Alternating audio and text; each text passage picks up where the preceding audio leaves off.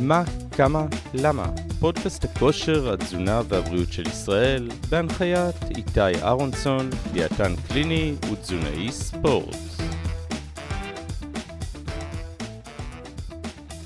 שלום לכולם ותודה שהצטרפתם שוב למה, כמה, למה. כאן איתי אהרונסון, דיאטן קליני, תזונאי ספורט, והיום יש לי את העונג והכבוד הגדול לארח אה, אדם שמבחינתי הוא אחד הכוכבים הגדולים ביותר בעולם, כוכב במרכאות כפולות או לא, אתם תחליטו. אה, חוקר חלבון מהרמה הגבוהה ביותר שיש.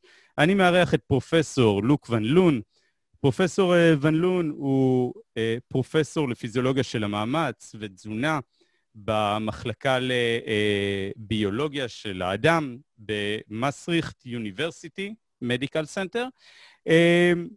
הוא באמת מחוקרי החלבון הגדולים ביותר, וכבוד uh, אדיר עבורי לארח אותו. So, hello, hello, Luc, how are you? Good, nice to see you, Ty. Nice to see you, but, and thank you, thank you so much for, for being here and giving me the honor for hosting you. Happy to do it. so, first of all, tell us a bit about you for anybody who doesn't know you. Uh, I'm not sure whether there's so much to tell. I'm a researcher in uh, Maastricht. Uh, I run, uh, I lead a research group, the M3 Research Group. Um, you can find us on the internet, the M3 Research Group in Maastricht. Um, you can see what kind of people are in the group. It's a, it's a relatively young group, 30 people, all doing research in muscle metabolism, uh, looking at how we can optimize performance uh, with nutrition and exercise ranging from athletes and sports nutrition all the way to preventing muscle loss in the intensive care unit patients. Amazing. So we are going to talk mostly about protein, of course, because this is your main uh, your main research uh, topic. So before we start uh, diving into the subject, tell us what is protein? Why do we need it? Yeah, that's that, that's that's that's uh, already a big question, but it's it's not that difficult. Uh, how it's regulated is more difficult, but you have to understand that all tissues that are alive, all living tissues, are in a constant state of turnover. It means that all your tissues are constantly being broken down and built up again. This is what we call tissue turnover. Now, our lab focuses mainly on skeletal muscle tissue, so I'll restrict myself to saying something about uh, muscle tissue for now is that muscle tissue turns over at a rate of 1% to 2% per day. So in about two to three months, you have completely reconditioned your muscle. And you can only recondition muscle if you have the building blocks, and those building blocks are amino acids. And we get those amino acids from our nutrition in the form of dietary protein. So protein is basically important to allow muscle reconditioning to occur and basically the repair and the adaptive process that occurs throughout daily life. I see. And and let's dive into the subject. How much protein does a person need? You know, if he's an athlete, if he's not doing any athlete activity, um, older, younger, how, how much protein? Yeah, so I mean, that's always a big de- debate, of course. When I started studying, there were different numbers than the, that you actually hear now. Um, the World Health Organization still says that 0.8 grams per kilogram body mass per day is sufficient. Uh, of course, larger amounts might actually be beneficial for people trying to recondition muscle, especially when you're active or when you're more frail, when you become anabolically resistant. Uh, nowadays, we, we generally um, uh, advise somewhere between 1.2 and 1.4 grams of protein per kilogram body mass per day. Um, and if we just look at the general population, the healthy population, if you eat healthy and you're reasonably active, you already generally consume between 1 and 1.2 uh, or 1.3 grams of protein per kilogram body mass per day easily. And how much should an athlete uh, consume? Yeah, so for athletes uh, exercising heavily, uh, generally an advice is between 1.4 and 1.6 grams of protein per kilogram body mass per day. But of course, it also depends on um, the type of protein, the distribution throughout the day, whether you are 170 kilograms or whether you're only 50 kilograms and the amount of muscle that you accrue do, during your training sessions. So, so basically these are very um, crude estimates of what is what what is what is good or what is what is optimal, and most people already consume about uh, active athletes generally consume well above the 1.2 grams of kilogram uh, protein per kilogram body mass per day. And, if I'm an, uh, an anabolic athlete, uh, strength or aerobic athlete, is there any difference that I should uh, aim to? No, you can, of course, you can deduct by the fact that if you want to increase muscle mass and simply there's more mass to, to gain, you probably need more protein than when you're keeping the same balance, of course. But what you always have to remember is that uh, muscle protein synthesis after exercise is increased in an uh, endurance athlete as well as in a resistance type athlete. So the increased protein synthesis is not necessarily reflective of um, greater gains in muscle mass, but greater reconditioning. Whereas a marathon runner will optimize its muscle for uh, marathon running, a strength athlete or bodybuilder will actually recondition the muscle to become bigger. Um, and both of these uh, conditions actually require more protein because the processing and the reconditioning is greater, the turnover is greater. And with every turnover, you always have part of that protein that is not being recycled. As I, I explained before, we, we, we daily synthesize about 300 grams of protein, um, but we only consume about, say, 70 or 100 grams. So there's a lot of recycling going on in your body.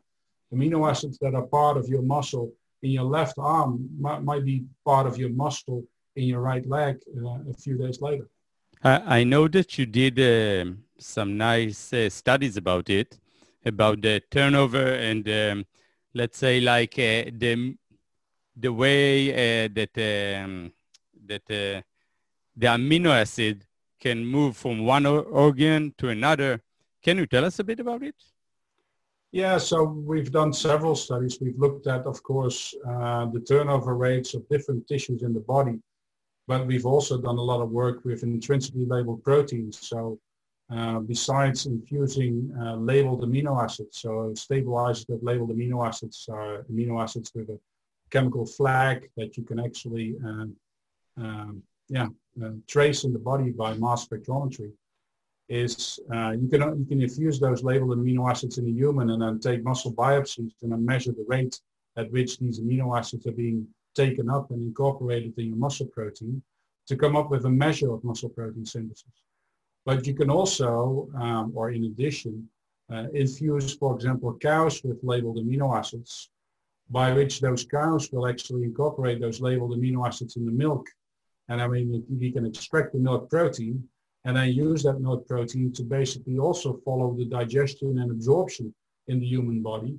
And what is fun is that you can actually see that if you ingest 20 grams of protein, that the amino acids that are part of the milk protein will become part of your muscle as muscle protein. And we can detect that already as within about two hours. And then you see that you basically, the amino acids that you ingest as part of milk protein will become muscle protein a few hours later. So basically showing you are what you eat. And for us, it's, it's interesting to, to quantify that and to see to what extent you use your foods to build muscle. It's crazy. Now, if you touch this subject, if I'm eating, let's say, about 20 grams of protein, how much uh, how, how, how much protein will get uh, to the muscle? I want to build muscle, you know. I want to gain. So if you ingest 20 grams of protein, and this is in a non-exercise situation, so in an exercise situation, post-exercise, you'll actually get more of the ingested protein to be converted to muscle because you get an efficiency effect. But um, in a study where we quantified this just without the exercise, we saw that from the 20 grams of protein, about half of it is released into the circulation within the next five hours, of which about uh, 20% is incorporated in the muscle. So from the total, about two grams of the 20 grams of protein is converted to muscle within five hours after uh, eating. Interesting. Now, and what about the other 18 grams? So uh, some of it is actually, so part of it is not released in the circulation, at least not in the first pass uh, uh, so we see about uh, somewhat more than 10% up to 14, uh, sorry, 10 to 14 grams being released in the circulation. Um, and all of those amino acids can actually go to muscle, but also to other peripheral tissues. Um, could be the liver, could be um, could be the kidneys, could be the skin, could be the bone, could be the collagen, the connective tissue, ligaments, uh, anything.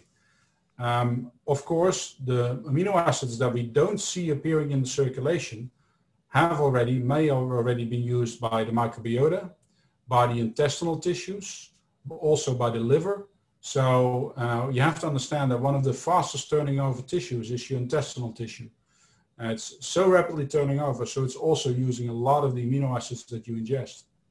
So, so we can see a connection, a direct connection between the turnover rate and the amount of amino acids that this organ get. Yeah, it's, it's interesting to see that uh, the question is how is that regulated? Because we've seen, for example, that if you adapt to a low protein intake diet, that your uh, intestinal tissues take up, uh, seem to take up less of the amino acids uh, than when you adapt to a higher protein intake. So it seems that somewhere, and it's really amazing how this works, is that somewhere down, uh, um, somewhere uh, in the peripheral tissues, like in the muscle, they actually communicate in some way to the intestine saying, hey, you're, you're ingesting less protein, you're taking up too much, we're not getting enough here. And then the gut actually responds by taking, taking less.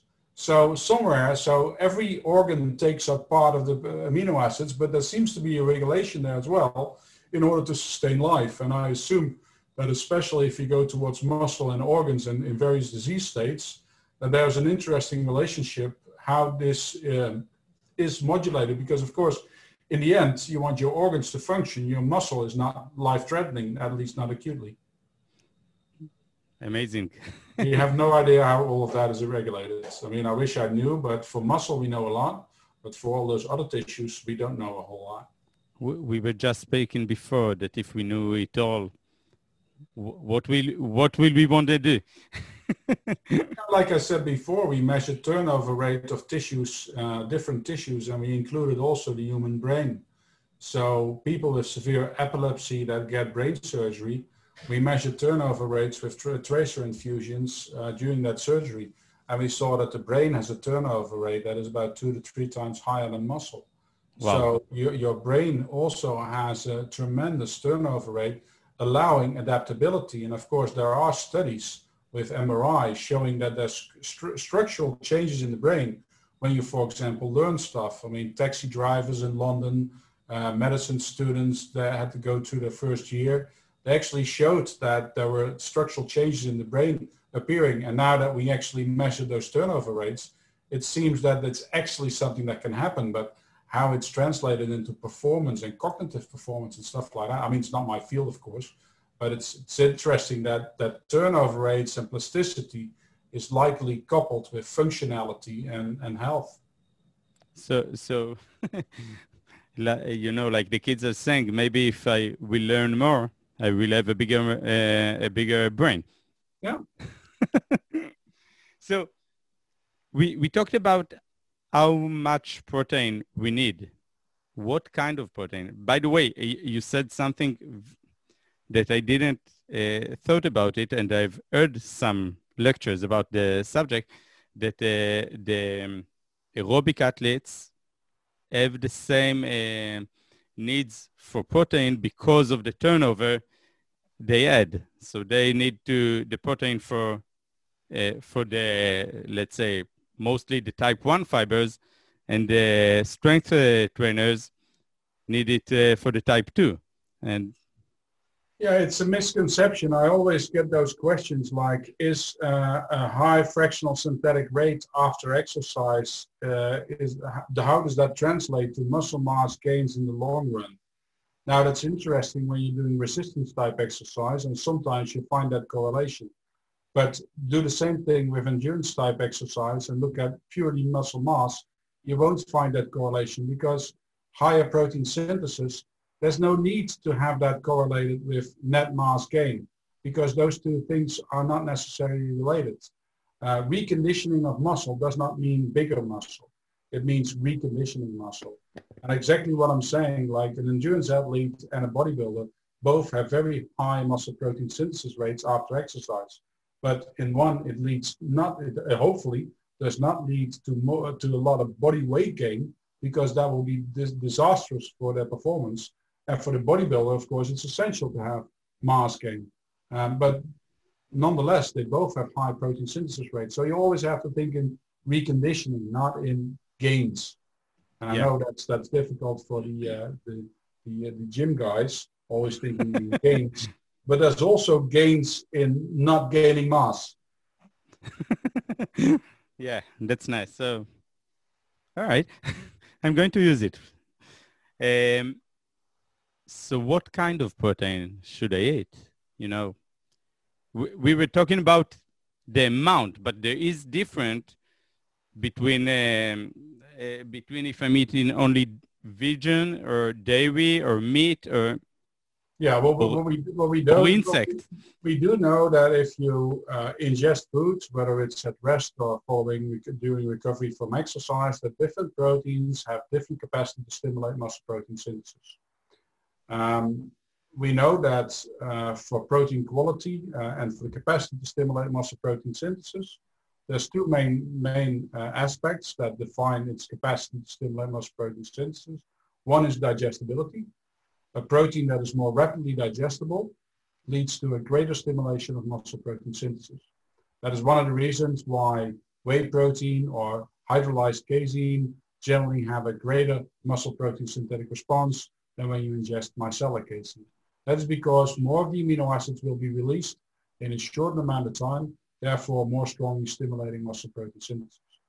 So that's one factor, but it's certainly not the only one because if you compare, for example, um, hydrolyzed casein with whey protein, then typically whey protein has a stronger anabolic response, despite the fact that they're both just as rapidly digestible. So it's probably also the amino acid composition. And for whey protein, we know that leucine as an amino acid is an important stimulating amino acid that has strong signaling capacities. So in general, rapid uh, digestibility, the rate of digestion and absorption, the amino acid composition, where the essential amino acid content and particularly the leucine content are high, typically lead to a greater anabolic response to feeding. I see. Okay. Now, what about um, people who are vegan? Who... Yeah. So, so plant-based proteins typically um, show a lesser anabolic response to uh, feeding than animal the ingestion of animal-based proteins.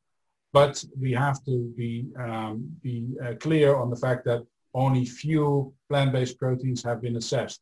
Soy, uh, wheat protein have been assessed, and some blends. But, but most of the plant-based proteins have not been assessed for their capacity to stimulate muscle protein synthesis. But most plant-based proteins are typically lower in their essential amino acid content. They're typically lower in leucine content, and they tend to be deficient in one or more specific amino acids such as histidine and methionine. And so theoretically, they would not have the same capacity to stimulate muscle protein synthesis. But of course, it also depends on the amount that you can consume, because in a previous study, we've also shown that you can compensate for lesser quality by simply ingesting more. And that makes sense, of course. Yeah. Okay. Now, you did a nice uh, study about uh, protein from insects. Can you tell us a bit about it? Yeah, so... And have you tried it? Oh, yes, of course. I, I, tend to try everything that we, we subject our volunteers to. So uh, now, so a, year, a, few years ago, we were looking for, we were looking into the uh, protein characteristics of plant-based, various plant-based proteins. And then uh, we actually got acquainted with the concept of eating insects. So at some point we wrote a review on insect proteins because they actually are also very sustainably produced or can be sustainably produced. And they have an amino acid composition that resembles animal-based proteins more than most uh, plant-based proteins. So uh, I think it's actually last week or this weekend was published in the American Journal of Clinical Nutrition.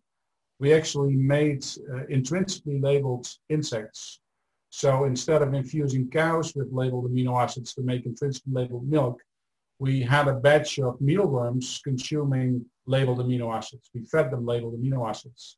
And then we emptied their stomachs and their intestines, and then we actually took those mealworms, uh, dried them, uh, ground them, and then provided them as food to subjects, and then measured their capacity to be digested and absorbed, and whether those amino acids are used for muscle protein synthesis, both at rest and following exercise. And as you can expect with a high quality protein, we compared it with milk, by the way, also the labeled milk. We saw that both milk as well as the mealworms were a very good protein source to stimulate muscle protein synthesis in a fasted state and also um, at rest in a fasted state, but also during recovery from exercise. And so easily digestible, rapid stimulation of muscle protein synthesis. So yeah, you are what you eat, and that could be milk, but it could also be a worm. Doesn't sound too tasty, you know. yeah, but at the end, at the end, we, we, I mean, there's so many products, for example, where milk protein is in there, and we don't taste it as milk. And I think in the future that, I mean, in this case, we use ground mealworms because we really want to see what happens with the mealworms. But in the future, of course, companies will extract proteins from insects, and whether that's grasshoppers or mealworms or black soldier fly or whatever. Um, those proteins will, will simply also be a, a, yellow or white powder that, that, that is more or less tasteless and will be added to a lot of our products in order to sustain the increasing global protein needs. Yeah. It's a new interesting field, I think. Yeah, but if you, I mean, there's more than insects, of course. I mean, there's so many people now looking for more sustainable protein sources to feed the world. And yeah. that could be anything.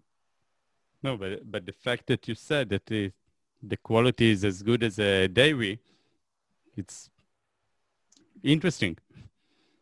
Yeah. So we, we, we spoke about how much, we spoke about what kind of protein, when should I consume the protein?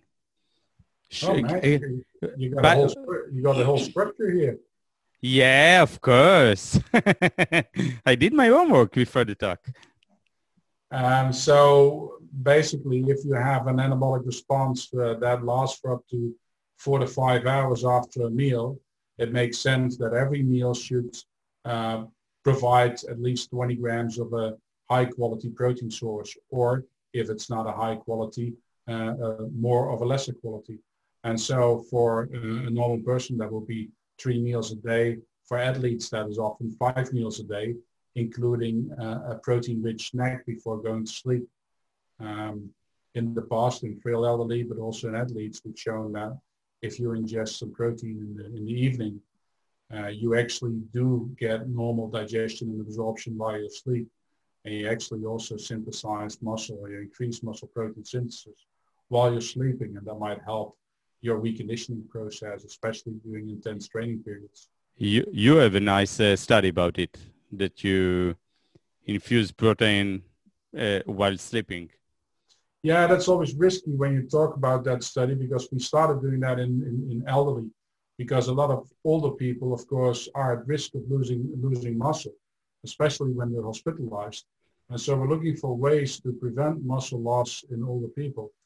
And one of them is, for example, to give some protein in the evening. But at that stage, when we started doing that study, we didn't know whether the gut actually functions at night. So we wanted to do a study to, as a proof of principle, to see whether the gut functions while we sleep. So we had a bunch of very enthusiastic older volunteers come in, and we put a nasogastric tube down the nose into the into the gut. And they were uh, elderly as well. Yeah, that, that we started that those were elderly. Yeah. And then uh, we actually just took a muscle biopsy and then made them sleep in the hospital. And then at about two o'clock at night, while they were sleeping, we would infuse about 40 grams of protein inside the stomach without waking them up. Of course, that took us a while to figure out how was the best, the, the right volume, the right temperature and everything. And so we used blood sampling with retractable lines. So they would actually sleep and we would actually show that if you sleep and your protein gets into the stomach, that it all still gets digested and absorbed. And then that it stimulates muscle protein synthesis because when we take muscle biopsies in the morning when they wake up, we we can actually see that the proteins that were provided in the gut were actually absorbed, uh, released, and taken up into the muscle. Now, when we published that study, everybody was enthusiastic, but we also got a lot of coaches and, and people calling us saying, where can I get those nasogastric tubes? Um, but that is that is not that was not the deal or that was not the message of the study. The message of the study is does the body function when we're actually sleeping? Because if we would have provided the protein prior to sleep, then we would always not have answered the question whether the digestion occurs while you're sleeping. So we really wanted to give it during people's sleep. Um, but that doesn't mean that we have to infuse proteins in, in people's guts through through nasogastric tubes. That's absolutely not not what we in that intended to do. So basically, it means that it's not necessarily a bad thing to provide some protein prior to sleep, especially if you're staying fasted for quite a while and you're at risk of losing losing muscle. And nowadays, of course, a lot of athletes are actually taking the protein-rich snack in the evening. So, and, and you studied a lot about uh, research about the effect of uh, pre-sleep protein ingestion, about yeah. muscle uh, synthesis, fraction synthesis rate. What, what can you tell us about it? Yeah, basically, if you provide some protein prior to sleep, it gets digested and absorbs, and it helps you to stimulate muscle protein synthesis at night, and therefore it can optimize your reconditioning response. And when you decide that you want to uh, uh, perform or uh, apply protein supplementation during your training, then one of the time points where it might be smart to supplement is in that period prior to sleep. Because if your three main meals already contain enough protein, supplementing additional protein in that meal is not going to help a whole lot because you're going to oxidize it anyway. So basically have a good distribution of proteins throughout the day and that automatically brings you to uh, 20 grams of protein um, somewhere before going to sleep. I see. Now, and uh, is there research that um, uh, that showed benefit in the net uh, synthesis rate, in, in the net uh, protein balance between when you consume the same amount of protein during other um, times of the day plus the pre-sleep? No, so so so there is a study, but that's that's that's tremendously underpowered. Um, so it's already difficult enough to show the benefits of protein ingestion to further increase muscle mass and strength gains over a prolonged period of time. Most of the studies actually do not show a significant effect because it's difficult to find. It's so small. If you then want to want to actually show differences between protein Y or protein X or protein in the morning or protein in the evening, those differences are way too small. You can never pick them up unless you have 300 or 400 subjects. So uh, in practice, uh, I mean, you can't have a study show everything you want to know. What you have to basically, I mean, it's, common sense and it's logical sense, is you have to supplement the protein at times where your meal doesn't provide enough protein. So for example, if your breakfast, and we know that a lot of athletes do not eat enough protein in their breakfast, add some protein to breakfast. Uh, or if you don't eat anything uh, after your training, and you eat your dinner at five o'clock, have a protein-rich snack after your training session in the evening. So be smart and supplement your protein so that you have that maximum 20 to 25 grams of protein with each meal moment. I see. Now, and if we are talking about athletes uh, who are living and eating uh, with um, uh, intermittent fasting, mm-hmm. okay, now they have they have lots of hours that they are not eating. Are they yes. losing the advantage of the protein? So theoretically, we would predict that um, that um, intermittent fasting would not or would actually not help to maintain muscle mass, and that you would actually lose muscle mass. Um, of course, most people use intermittent fasting also to actually lose body fat. Um, but when you lose body fat, you typically also lose uh, muscle mass unless you start doing some resistance training in that because the resistance training can compensate your muscle loss during a period of energy intake restriction, whether that is with intermittent type uh, feeding or simply fasting. Um, in both cases, the exercise will help you maintain muscle mass. Um, by, by, I mean, so far, there's more studies coming out soon, is that the intermittent fasting is not something magical, uh, but it's, it's something for people that it's easy to reduce food intake. Um, if I give the example, I don't think the intermittent fasting is so much better than eating the same calories on different times. But with intermittent fasting, if you tell me that I can't eat after seven o'clock in the evening, I'll probably lose a lot of weight because I generally eat probably more than half of my calories after seven o'clock, probably sitting on the couch or behind the computer, uh, being stressed and, and, and eating a lot of crap. So if you actually restrict that time period, I think it helps you to consume less. It's not necessarily the intermittent aspects of it, I think. But that's my personal opinion. And I think the next five years we'll get a lot of studies on that, on that topic. I think that uh, all these strategies, uh, uh, when we are talking about losing weight, they are more um, like behavior strategies rather than physiological, um, uh, anything physiological about it. Yep. And if, if we are talking physiological, maybe there are lots of disadvantages of those um, methods. I, I, don't know how you'll call it. In the end, the behavioral aspects are, of course, also probably biological in nature because we're all, bio all biology. But uh, I think the capacity to handle a lower uh, energy intake can be modulated by different strategies but simply the efficacy is simply eating less than what you burn.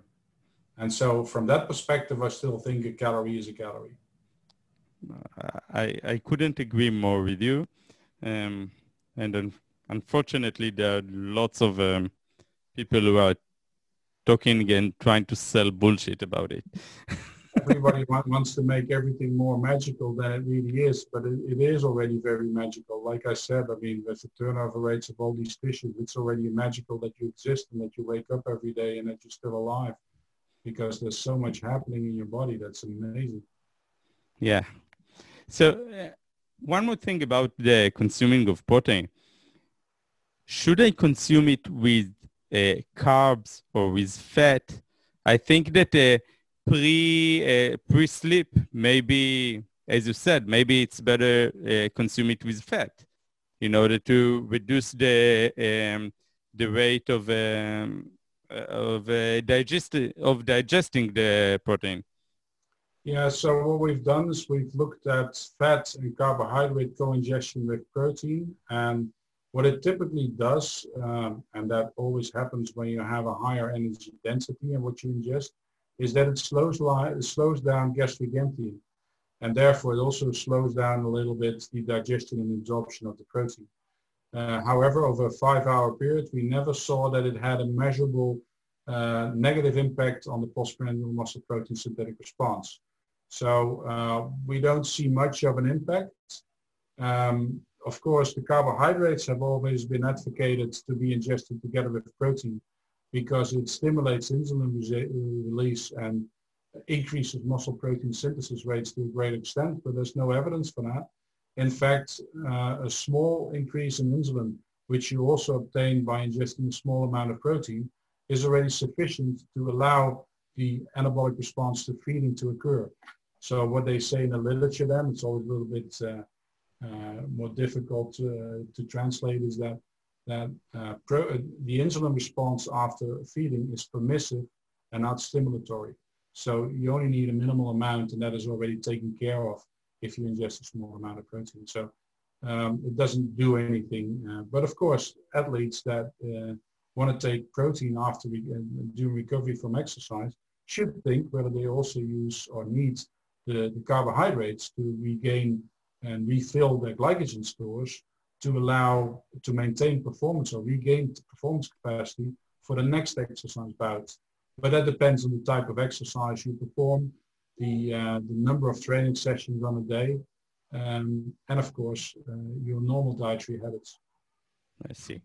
Now, when I'm going to the gym, uh, I, I see all the time all the big muscle people are going with their shaker and preparing their um, their protein shake and consume it during the training session.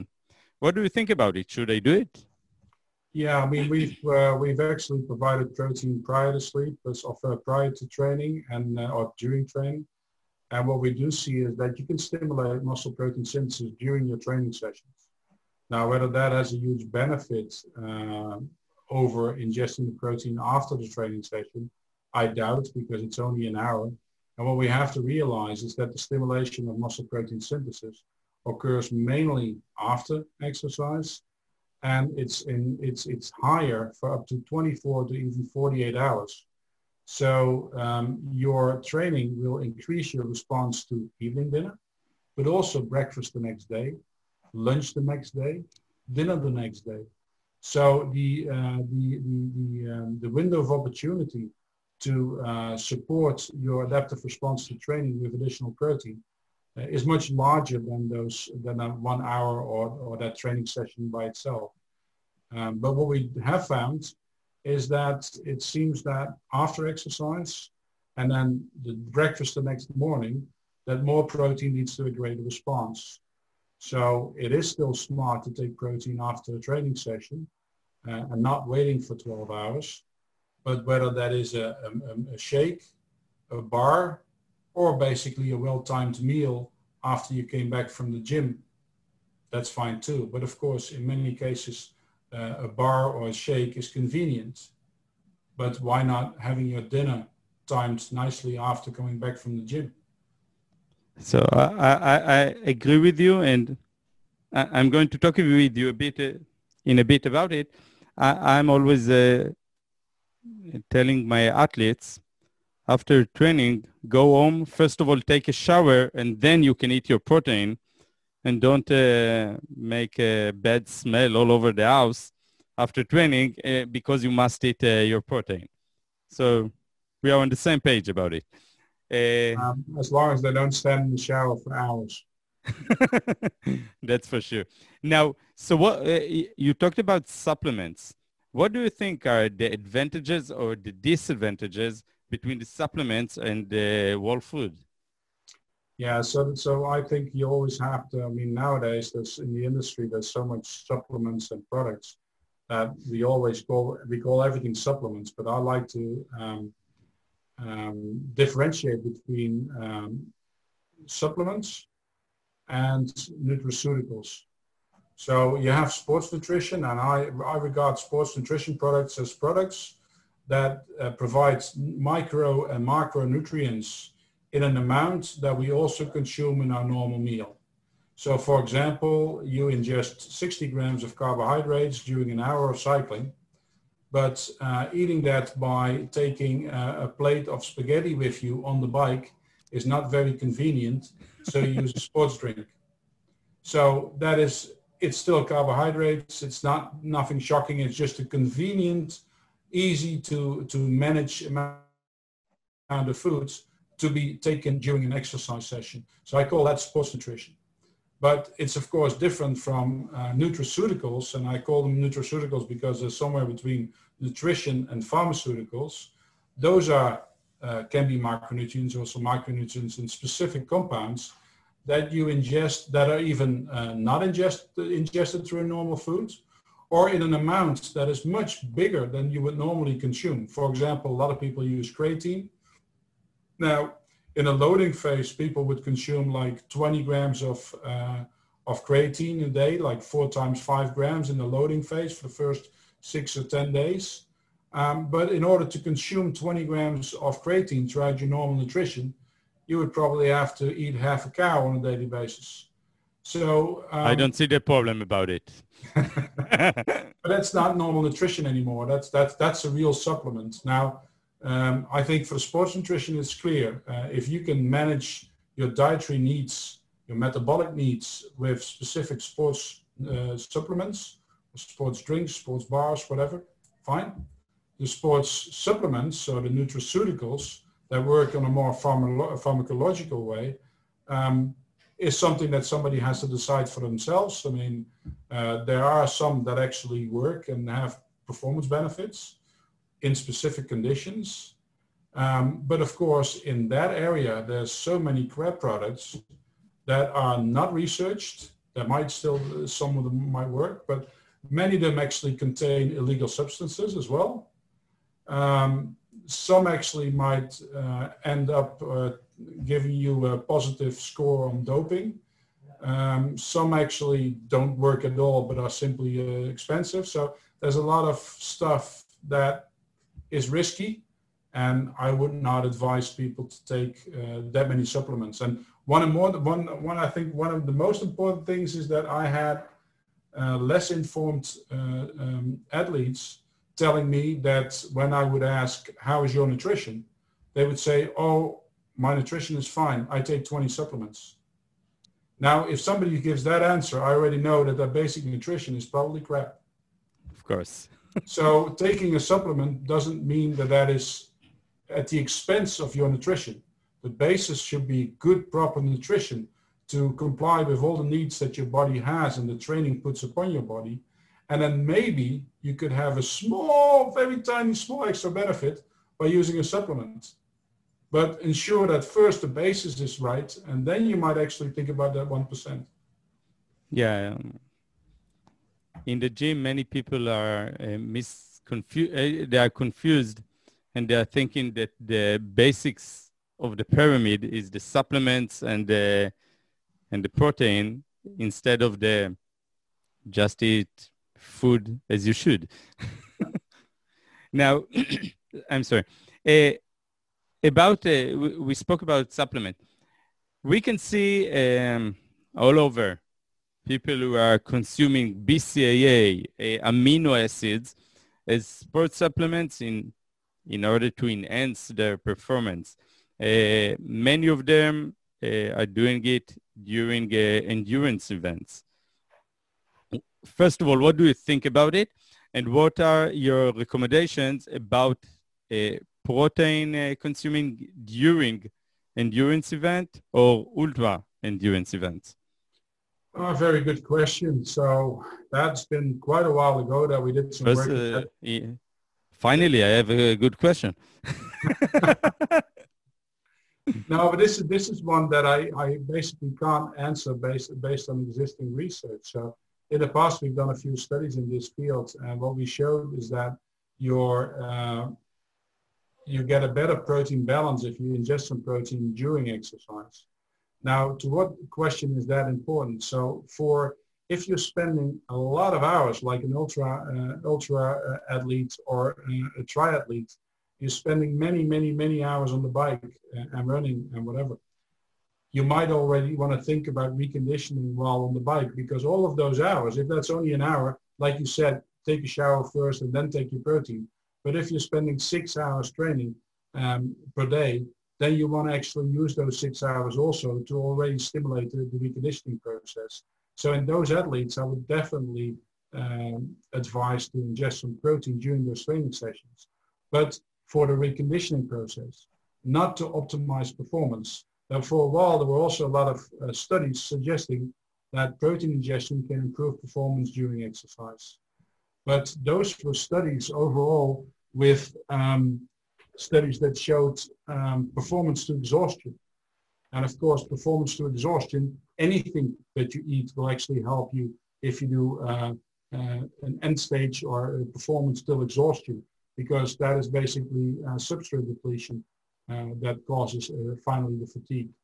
Um, so in short, protein ingestion during long training sessions, that might be the advantageous to help you uh, recondition, but it doesn't improve performance during an exercise session. There are, there are not uh, any time trials with uh, protein supplementation? There are a few time trials, but there's, there's no clear benefit if you look at meta-analysis but on the uh, on the endpoints uh, on time to exhaustion, they actually do. I see. Now, what There's about the sports that go to uh, exhaustion? When you're talking about the real life, there is no no not any there, there is no event that you are going uh, time to exhaustion. Exactly. The, the, the time trial is the is the right one to do if you want to see the benefit on real life performance. Exactly. exactly. Now, what what uh, what do you think about nitrate? Yeah, nitrate is an interesting one. I mean, years ago, um, um, I saw a presentation at a conference, and then um, a lot of people were doubting the results, and I was doubting those results as well because I've always learned that at a certain exercise intensity, a certain workload, that your oxygen requirements are uh, is, is, is, are given and are, are not uh, can be modulated. And so when I first saw those data that nitrate actually reduces the oxygen requirements doing the same workloads, I and many colleagues with me basically said that can't be true. But the data seem to be sound, and of course, um, you can only uh, evaluate based on what somebody says. And so we had a discussion whether that, that person was, uh, was supposed to win a research prize. And at the end, I said, uh, yes, of course, because there's no reason to assume that the data are not correct, simply because I think something else. I mean, somebody also once said that the, that the Earth was round, and he got uh, he got nearly killed for it. Or actually, at some point, he got killed. Um, but so, um, but of course, my interest was, was, triggered, and then Naomi Cermak, together with Marty Gibala, uh, in uh, in Canada, they uh, they actually did that study, and we redid that study, and we verified and confirmed those data. And then we started the whole research line, and I think we've we've done a lot of nitrate studies by now together also with Lex Verdijk in our lab, um, showing that it actually does reduce oxygen requirements. And nowadays, um, most of the research in nitrate is actually looking not at the performance effects for endurance athletes, but more for more high intensity uh, exercise because nitrate seems to have most of the effects in allowing more uh, oxygen to be taken up in muscle during situations where the oxygen requirements are much higher than the oxygen availability, so more higher intensity workloads. And it, there's now an ample amount of studies that show exercise performance benefits doing more intense uh, uh, exercise tasks. So, so as you are saying, till now what we know, it's that it is probably good for short-term and long-term uh, duration uh, activities. Nice. And, and, and in the meantime, of course, everybody takes the, the beetroot shots and, and stuff like that. But we, we've, we've, we've also now worked around with, with people, especially also from a clinical perspective, whether you can gain such benefits also with eating uh, a lot of green leafy vegetables. And to a great extent, you can actually have uh, effects like that with green leafy vegetables. And that would be my uh, preference, of course uh, than simply taking uh, pure nitrates. And nowadays, there's more and more data to show that probably in green leafy vegetables and in beetroot, there's more than simply the nitrate that can have health benefits. So we come back to basically healthy foods. Again, food first approach. Now, bef- before we will end, uh, as I told you earlier, I can s- continue speaking for a few more hours. Um, I, I, have heard you talking about, um, before about EMS, electromyostimulation. Mm-hmm. What do you think? Yesterday, I got uh, someone asked me about it, and I told my opinion. What do you think about it? not just in uh, the way uh, for rehabilitation, rehabilitation of a physiotherapist. What do you think about it for muscle gain and hypertrophy? Yeah, I mean, the studies that I've seen where they used NMES together with exercise to further increase gains in muscle mass and strength, I haven't seen any compelling evidence to suggest that it has a greater benefit than just doing the exercise without the NMES. Um, but of course, uh, I mean, I can only say something about the work that we've done ourselves with NMES. It was very effective in preventing, uh, and I mean, I, I was even surprised, in actually preventing muscle mass loss uh, in single single leg immobilization, but also in comatose patients and uh, in the intensive care unit where we provided uh, electrostimulation. And despite the fact that we saw massive muscle loss, even on the fiber, muscle fiber level in the other leg that wasn't getting NMES, there was no muscle loss in the muscle fibers uh, in the electrostimulated leg. So I think it's a very good signal to compensate for the loss of voluntary contraction. But I think that any voluntary contraction is always going to be more effective than the MES. And that is also proven by the fact, or proven, I mean, uh, the comatose patients, of course, we couldn't assess strength because they were in a coma. Um, but the uh, single leg immobilization, despite the fact that we could prevent the muscle loss in the immobilized leg, which of course could speed up rehabilitation uh, and be very beneficial for athletes that have to go back in the field as fast as possible after an injury. And that is the reason why most of athletes after an injury will actually get NMES while us mere mortals will not be getting NMES because nobody gives a uh, flying uh, food uh, whether we can uh, go back on our recreational sports field within a week or two months. Um, but we see that strength loss is still there. So you can attenuate muscle loss, but strength loss is still there. And for the strength loss, you need constant the voluntary contraction in order to have mu- muscle fiber recruitment and motor unit recruitment and basically to maintain and regain strength. So um, yeah, I don't know. Uh, maybe it can help you um, with rehabilitation, whether it will help a healthy, active, hardworking athletes to further increase, I have doubts. So I'm in a good pl- uh, place. That's what I told uh, my my colleague who asked me yesterday. now, before we end, I would like to get my audience um, like a take-home message about protein intake from you. Give me, can you give me one, two, three points about? Uh, uh don't worry too much about the total amount of protein you consume because if you eat healthy and you're active and you eat an energy balance, you probably already consume well above the required amount of protein. So if you want to do something, be more, provide more focus on distributing it more equally between the different meal moments throughout the day. Don't have huge amounts of protein in your dinner and then hardly any protein in your, in your breakfast, but distribute it like try to get at least 20 grams of high quality protein in each main meal and have a protein rich snack in the evening. And strength training. And always keep being active, whether it's endurance or strength, or preferably combination, uh, depending on where you want to go. Yeah.